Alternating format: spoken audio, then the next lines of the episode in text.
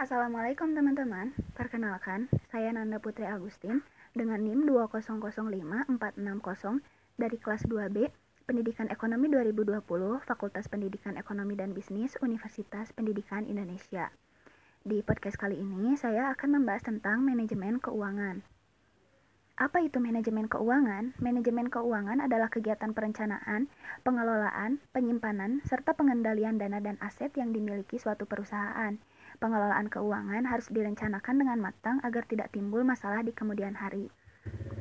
Apa sih tujuan adanya manajemen keuangan?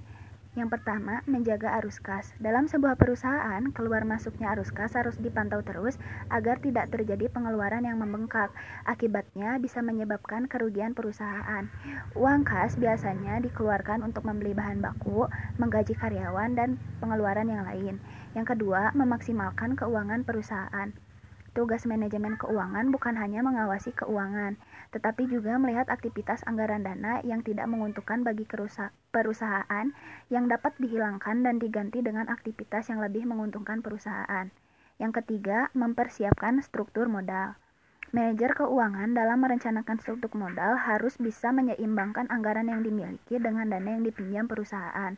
Yang keempat, memaksimalkan e, keuntungan. Perencanaan keuangan yang tepat akan mampu memaksimalkan keuntungan yang didapat dalam jangka waktu yang panjang.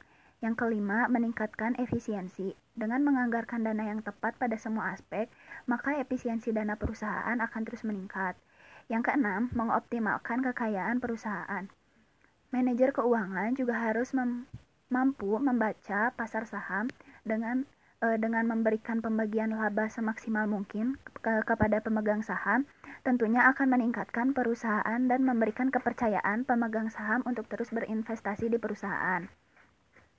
Yang ketujuh, mengurangi resiko operasional. Keputusan yang tepat yang dilakukan manajer keuangan akan berpengaruh terhadap resiko bisnis yang tidak pasti di kemudian hari.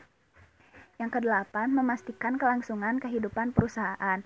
Manajer keuangan memegang peranan penting jalannya sebuah perusahaan. Keputusan yang tepat akan mampu membuat perusahaan bertahan di persaingan bisnis.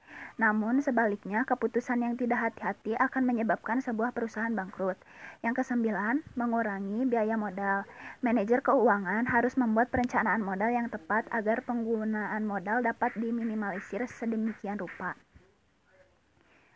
Lalu, ada fungsi manajemen keuangan. Yang pertama, planning. Merencanakan keuangan dalam sebuah perusahaan sangatlah penting. Perencanaan keuangan meliputi mengatur uang kas, menghitung laba dan rugi, dan juga merencanakan arus kas. Yang kedua, budgeting. Budgeting merupakan kegiatan mengalokasikan dana untuk semua keperluan perusahaan.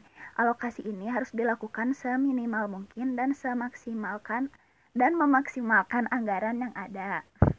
Yang ketiga, controlling. Controlling adalah melakukan pengontrolan atau evaluasi terhadap keuangan yang sedang berjalan. Evaluasi dilakukan untuk memperbaiki sistem keuangan perusahaan agar perusahaan dapat bertahan. Yang keempat ada auditing. Auditing adalah proses pemeriksaan keuangan. Pemeriksaan keuangan perusahaan sesuai dengan kaidah akuntansi akan menghindari terjadinya penyelewengan dan penyimpangan dana perusahaan. Yang kelima, reporting. Reporting adalah melaporkan keuangan. Melaporkan keuangan perusahaan harus dilakukan secara terbuka dan transparan di semua kalangan perusahaan. Laporan ini berguna untuk memberikan informasi keadaan keuangan perusahaan. Lalu terakhir yang akan kita bahas adalah prinsip manajemen keuangan. Yang pertama ada akuntabilitas. Akuntabilitas adalah kewajiban moral dan hukum yang terdapat dalam sebuah perusahaan sehingga dapat diketahui dari mana dana diperoleh, dana dipakai untuk apa saja, serta bagaimana perusahaan memakai dana tersebut. Semua pihak dan aspek di perusahaan harus tahu bagaimana dana dan wewenang itu digunakan. Yang kedua, konsistensi. Sistem keuangan perusahaan harus dilakukan secara konsisten.